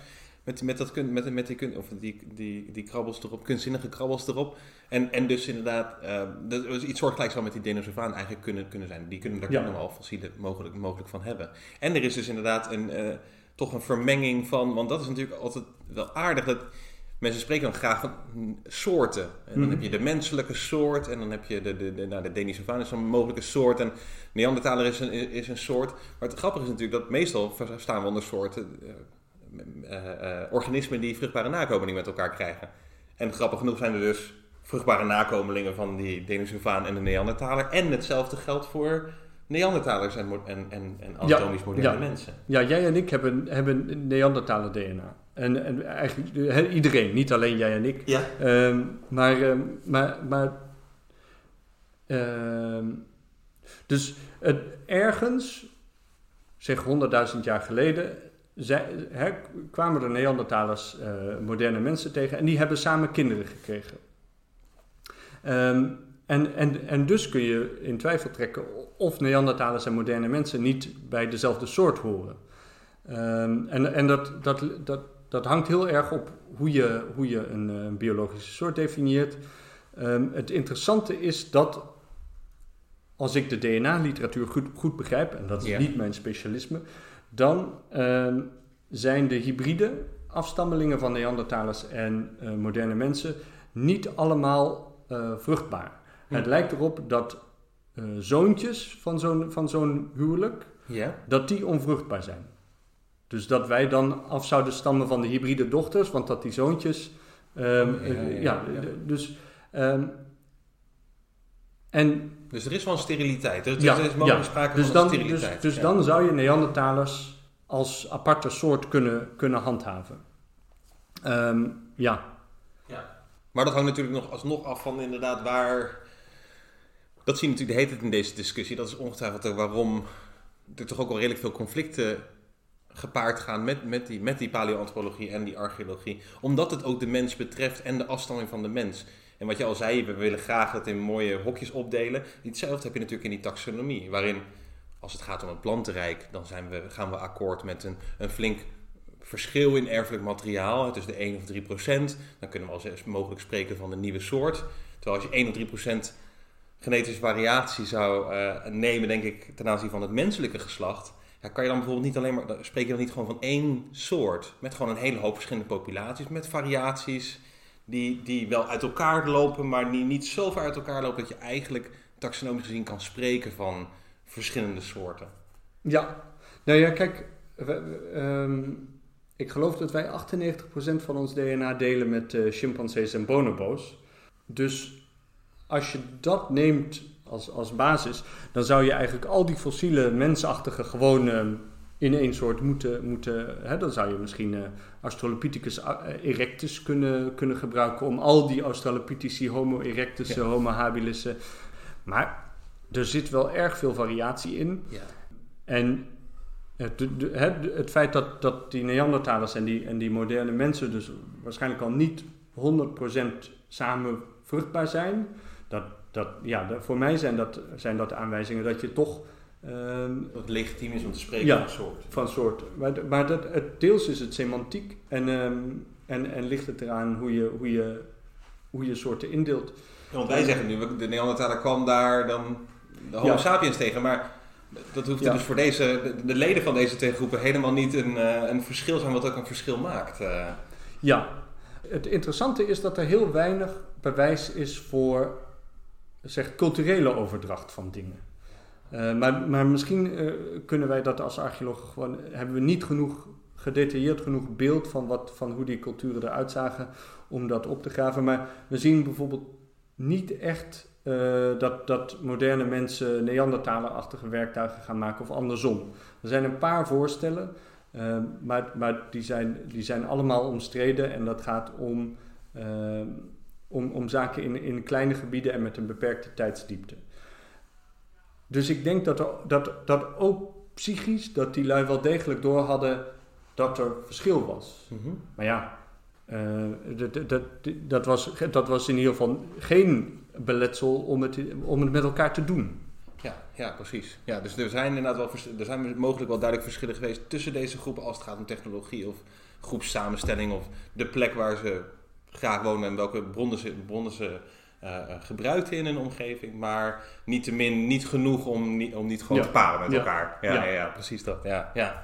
En, en je spreekt ook, of tenminste in het voorsprek had je het ook over, want je, want je zegt inderdaad, er zijn eigenlijk wel een aantal dingen die, die, die ar- archeologie in de weg liggen, omdat je graag wil eh, indelen, omdat je graag een lineaire lijn wil trekken, waarbij je zegt van oh, steeds grotere hersencapaciteit of steeds eh, meer cognitieve functies die je dan weer kan verbinden aan technologische veranderingen die je weer kan plotten, ook in zo'nzelfde lineaire baan. En daarbij haal je ook de teleologie aan als, als, als een beletsel in, in die interpretatie. Wat, wat bedoel je daarmee? Ja, archeologen hebben, en, en dat is denk ik het probleem met, met ehm, het terugkijken in de tijd. Ehm, we hebben de, de onhebbelijke neiging om ehm, een, een eindsituatie als soort van doel te beschouwen en, en alles eh, te interpreteren als, als een ontwikkeling gericht op het bereiken van dat doel. Ehm, of het nou ehm, de, de, overgang van jager-verzamelaar naar landbouw is, of uh, de ontwikkeling van, van uh, de moderne mens met grote hersenen en, en die, die in de hele wereld woont. Um, terwijl helemaal niet, niet alle evolutionaire ontwikkelingen hebben überhaupt hebben een doel. En als ze al een doel hebben, dan is dat een aanpassing aan het heden. Dus Homo habilis gaat zich niet aanpassen zodat een paar honderdduizend jaar later zijn, zijn achterkleinzoonsoort naar Azië kan migreren. Um, en, en die Homo erectussen die Afrika verlaten, die doen dat niet he, met een kompas en een kaart op weg naar China. Ja, Maar he, de, de, de, de, de, uh, men is reproductief succesvol, de populaties worden groter en, de, en, en, en het verspreidingsgebied van ja, uh, ouderlijke zich uit. Maar het is, het is geen expeditie. Nee. En, um, en, en wij, ja, wij, wij interpreteren dingen. Misschien is dat ook gewoon de manier waarop we het opschrijven. Hè? En, en, en, en ook wel een soort benefit of hindsight. We weten nu dat ze daar dan zijn gekomen. Dus dan gaan we nu proberen te ook reconstrueren van... oké, wat, wat is er dan nodig geweest om daar, om daar te komen? Ja, ja. En, je, en je ziet dat bijvoorbeeld ook uh, aan, in heel, heel duidelijk in hoe wij denken over het uitsterven van Neandertalers. Um, waar, waarbij je heel erg de huidige situatie als, uh, ja, als, als de onontkoombaar beschouwt. En dan probeert te verklaren hoe dat zo... Hè, hoe is het dan zo gekomen? Ja, want ongeveer dus 40, 40.000 jaar geleden komen moderne mensen ja. min of het grondgebied binnenwandelen van ze, waar Neandertalers Ze zijn elkaar al eerder tegengekomen. De, we, kennen de, de, we kennen moderne mensen in uh, de Levant rond 100.000 jaar geleden. Dus dat is het huidige ja. Israël. En die verdwijnen daar weer. En, en dan zien we daar uh, Neandertalers. Uh, maar na 50.000 jaar geleden komen die, die moderne mensen weer terug. Hè? Dus, dus je zou kunnen zeggen, die, die moderne mensen die, die migreren uh, tot buiten Afrika.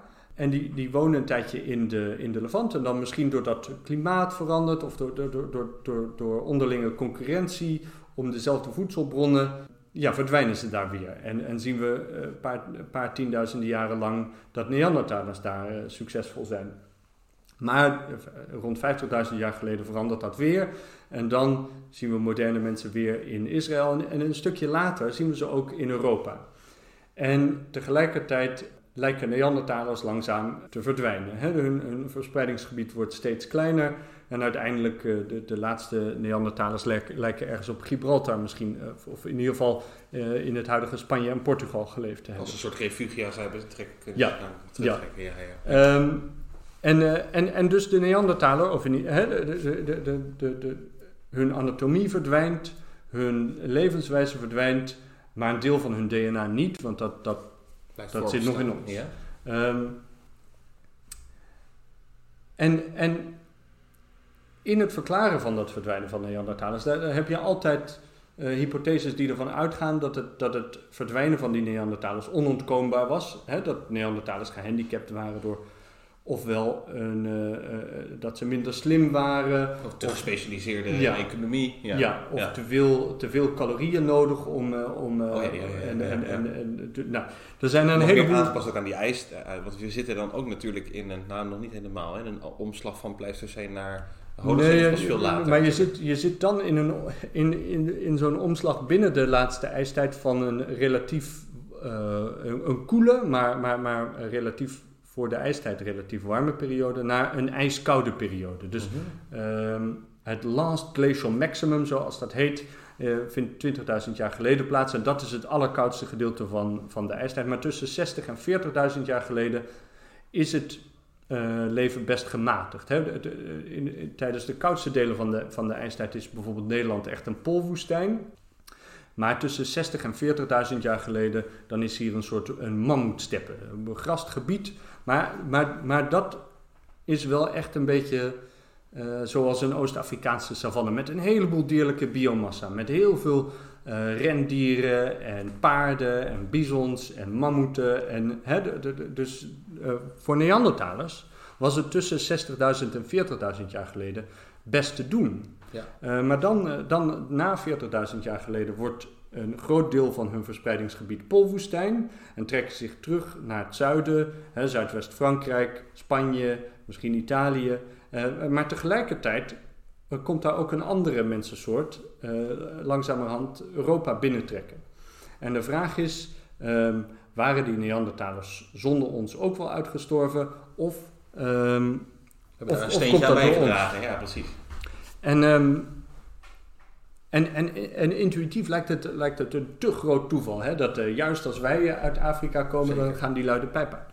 Ehm, maar dat betekent niet dat ehm, het uitsterven van Neandertalers onder an- per se onontkoombaar was. Het had misschien ook andersom kunnen eh, eh, gebeuren. Dat wij uitgestorven waren. Of in ieder geval lokaal in Europa uitgestorven waren.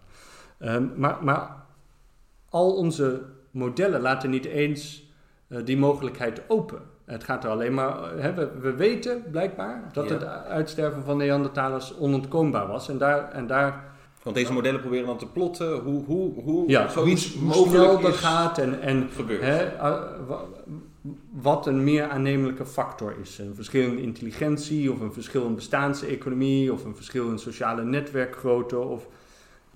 En juist het al van tevoren gebruiken van dat, dat doel, dat, ja, dat, ik denk dat dat een zwaktebod is van onze, onze modellen.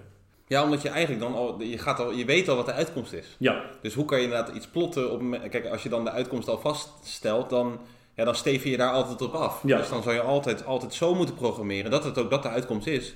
Als dat Ja. niet het geval is, dan, heb, dan zit je, ben je niet conform de, de werkelijkheid mee bezig.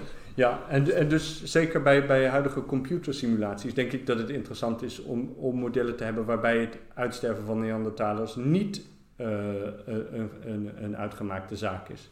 Maar ook in, in gewoon het bestuderen van, ehm, van normale archeologische materialen. Ehm, om, omdat, ja, alles wordt in een soort ehm straitjacket, hoe noem je dat in het Nederlands? Eh, eh, Ja, nee, nee, nee. dwangbuis. Dwangbuis, ge- ja. ge- ge- ja. En, eh, en ik denk dat dat, dat, dat ons oogkleppen opdoet voor, voor, voor dat, dat het, het, eh, het verleden zou wel eens echt heel anders geweest kunnen zijn. We weten dat de omgeving geen moderne analogie ehm, heeft. Eh, dat er soorten naast elkaar voorkomen die nu eh, duizenden kilometers van elkaar gescheiden zijn.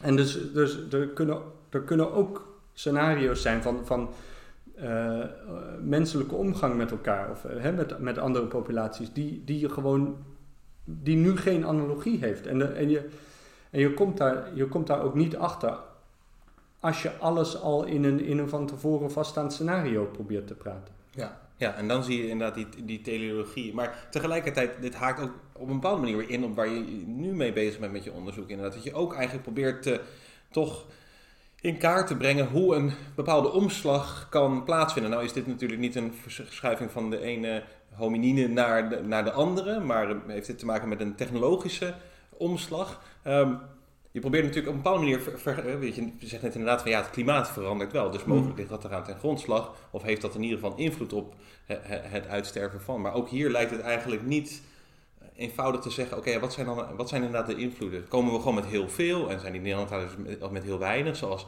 vroeger die homo habilis met heel weinig Mm. waren ten opzichte van die notenkrakers?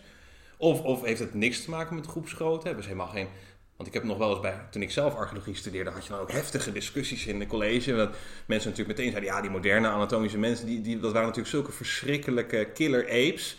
Eh, want dat zijn we vandaag de dag nog steeds. En de Neandertalers, dat waren dan een soort hippies eh Ja, ik geloof dat, ik geloof dat, eh, dat Harari in zijn boek Sapiens ook zoiets zegt. Dat Oh, boek ja. overigens vind ik een enorm, of in ieder geval het hoofdstuk over Neandertalers, dat moet je niet lezen.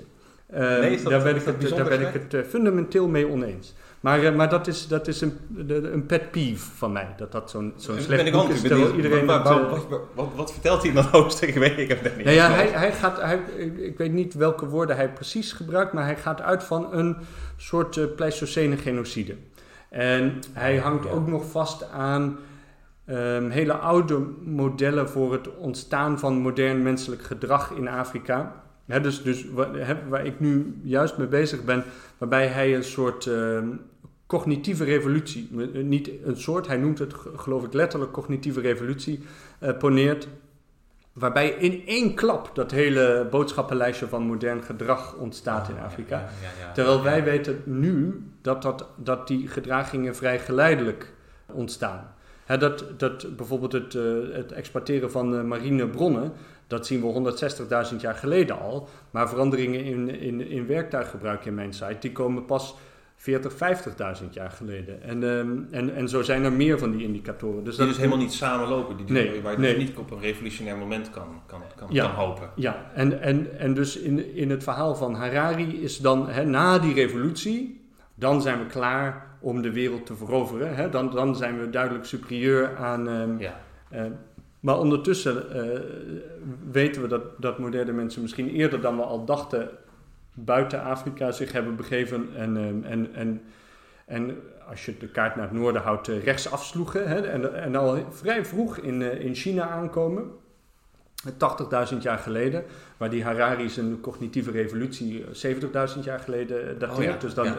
gaat Dat al iets mis. Ja. Ehm, en, en, en dat de moderne mens vooral pas laat in Europa aankomt. Misschien omdat daar, hè, omdat daar gewoon nog Neandertalers leven op, eh, op Bijvoorbeeld. Ja. En ook dat een genocide helemaal niet. Dat, dat, dat is een, een, een scenario, Ja, maar klinkt natuurlijk ja. ook tegelijkertijd wel weer vrij heftig en, en vrij georganiseerd ook. Terwijl je juist eigenlijk precies naar zo'n model toe moet, waar, waar misschien die eh, organisatie. D- Dat, dat, dat, dat wil niet zeggen dat er niet nooit eh, geweld is geweest. Eh, Tuurlijk. tussen moderne mensen onderling, tussen eh, Neandertalers onderling of tussen die beiden.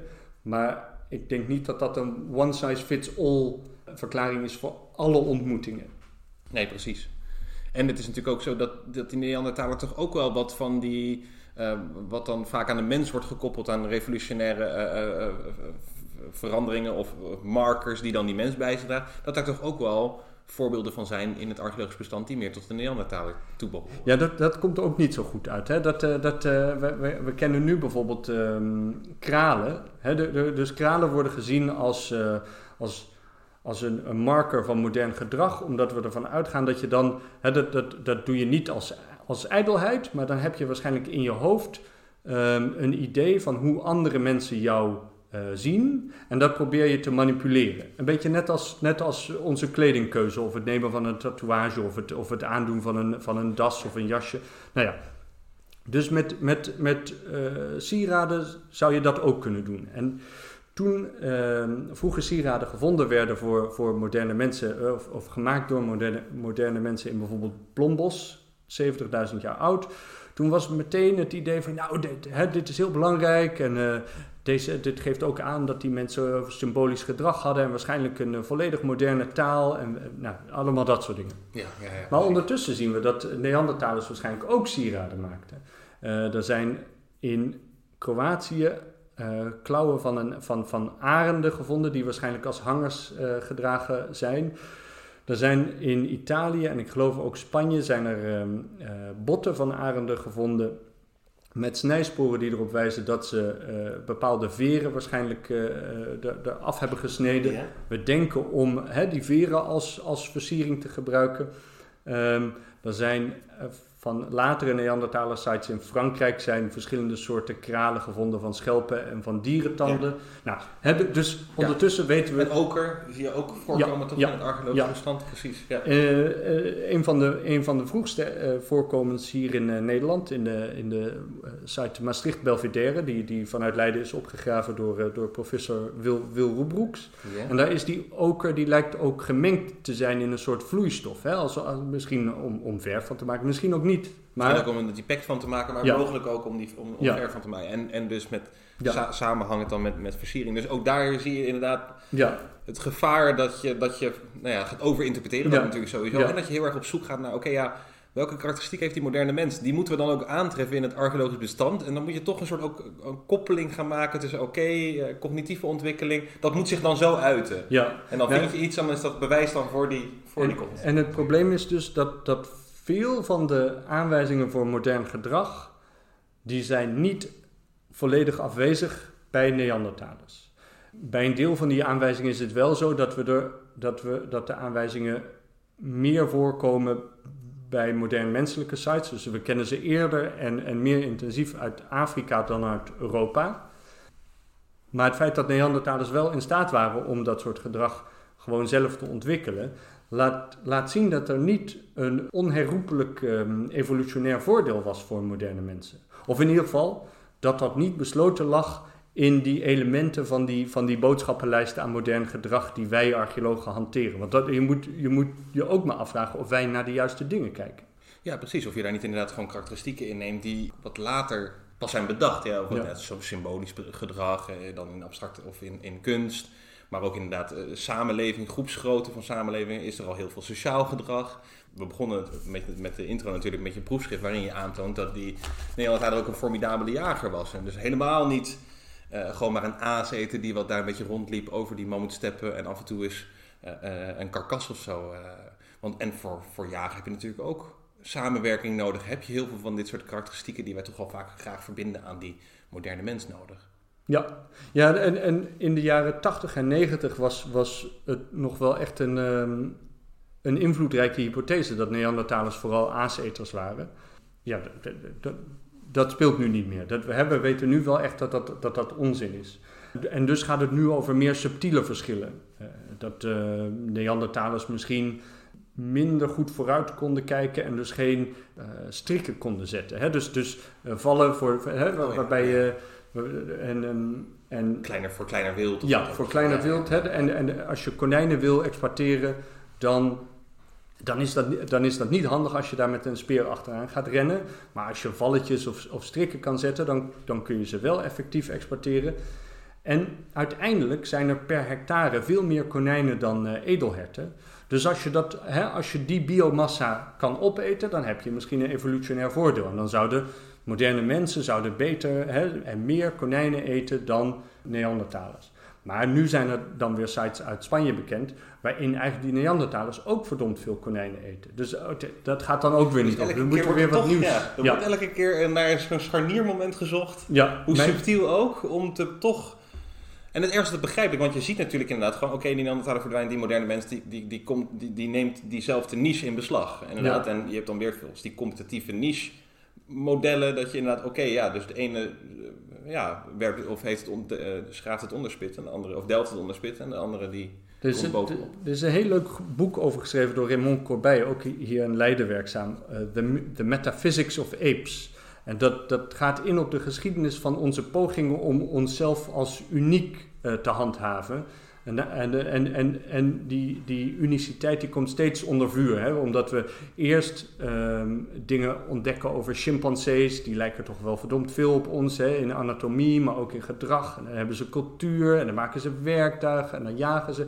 Maar ook uh, die fossiele soorten. Het, eerst was het vrij makkelijk om die Neandertalers af te doen als... Uh, ja, mislukt experiment. En, ook, een soort barba ook een soort barbaren, holbewoners ja, inderdaad. Ja. En, dat, en nu is dat, ja, nu, nu veel van die, veel van die, uh, veel van die, van die scheidslijnen die vervagen steeds meer. En er, er zijn steeds meer aanwijzingen hè, dat Neandertalers konijnen konden eten en dat ze kralen kunnen maken en dat ze, nou, ga zo maar door. En dat is, dat, deels gaat het ook, denk ik, om, uh, om, om onze psyche. Hè? Om, omdat, we, omdat we, veel mensen in ieder geval, het een heel fijn idee vinden dat we, dat we heel anders zijn dan. dan ja, dan die uniciteit van de mens is natuurlijk, ja. Eh, tenminste, en ook überhaupt het antwoord op de vraag wat is de mens, is natuurlijk altijd toch wel leidend geweest. Sterker nog, archeologie gaat natuurlijk ook over wat mensen nalaten in, in, in, in de bodem en wat we vervolgens kunnen, kunnen, kunnen opgraven. Het gaat natuurlijk niet om, uh, we hebben geen chimpansee-archeologie nog. Ja, nu wel. Dat, uh, ik, uh, officieel de, bestudeert archeologie materiële cultuur. Ja. En, ja, en, en, en dat was alleen, alleen voor mensen. Maar er, er zijn sinds geloof ik 2005 zijn er opgravingen naar chimpansee notenkraakvindplaatsen in het Afrikaanse regenwoud. En, en dan blijkt dat, die, dat, die, dat dat notenkraken ook al een grote tijdsdiepte heeft. Hè? Dat, ze, dat ze notenkraak aanbeelden van, ik geloof, 5000 jaar oud of zo hebben opgegraven. Dus, dus je kan ook archeologie van chimpansees doen.